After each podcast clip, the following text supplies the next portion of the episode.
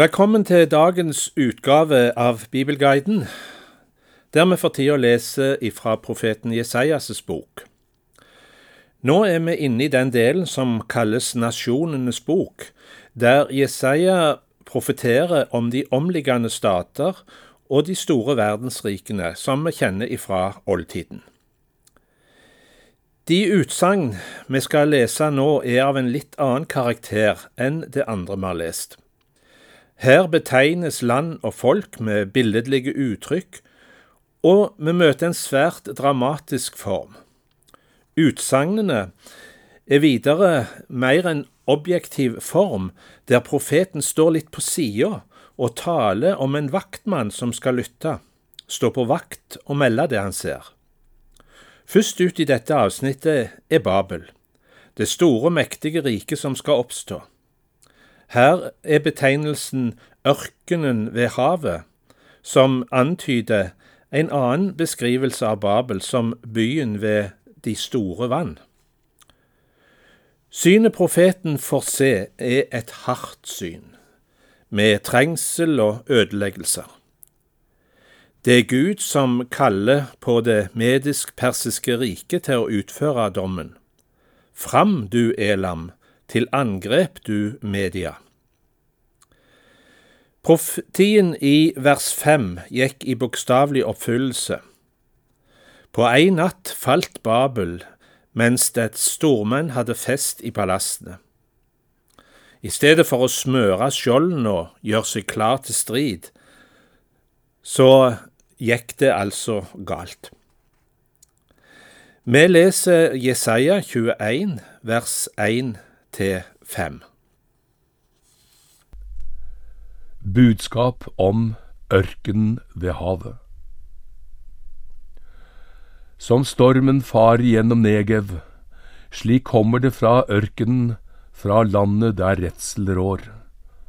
Et hardt syn har jeg fått se. Svikere sviker, hærmenn herjer. Fram, du Elam, til angrep, du Media. Hvert sukk gjør jeg ende på.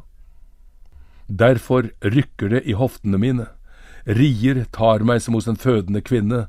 Jeg er så forvirret at jeg ikke kan høre, så redd at jeg ikke kan se.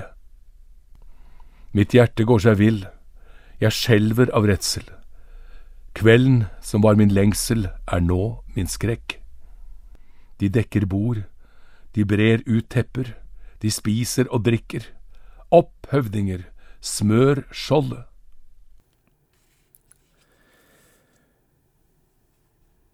Da i de neste versene så møter vi vaktmannen. Det er profeten sjøl. Han lytter, ser og rapporterer det han ser. Fiendens hær kommer som et tog av vogner, folk og hestespann. Babylon faller. Vi hører versene seks til ni. For så sa Herren til meg, sett ut en vaktpost. Det han ser, skal han melde.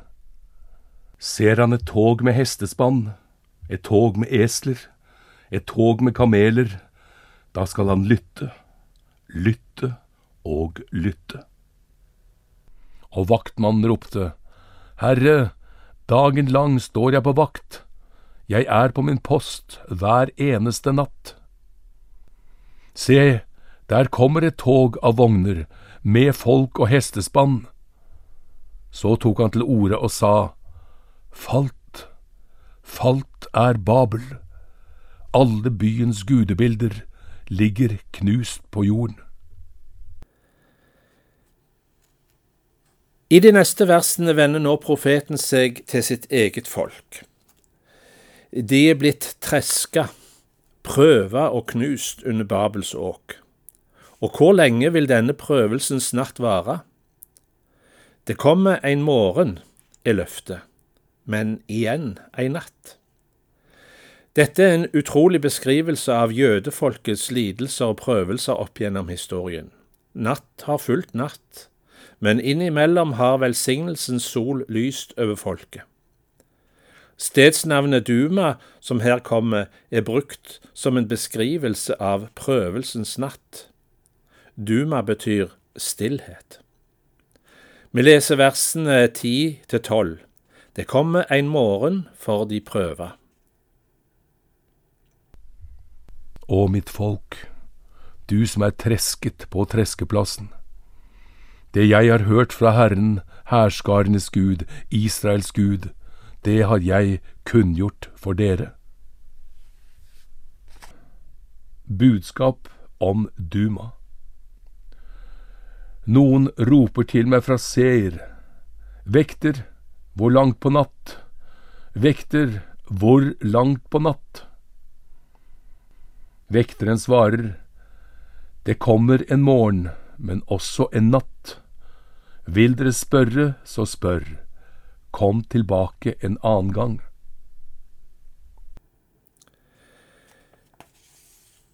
Så får vi et utsagn om ødemarken. Det kan godt oversettes med Arabia.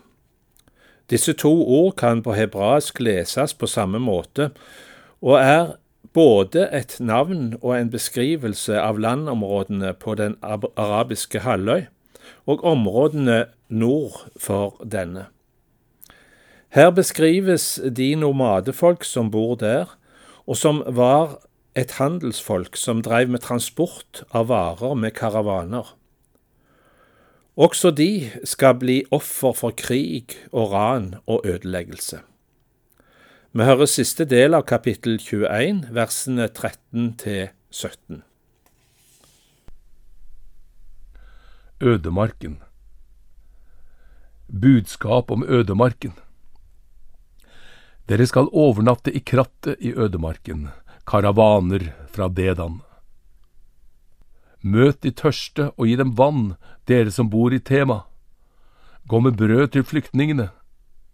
For de har flyktet for sverd, for dragende sverd og spente buer og krigens byrde.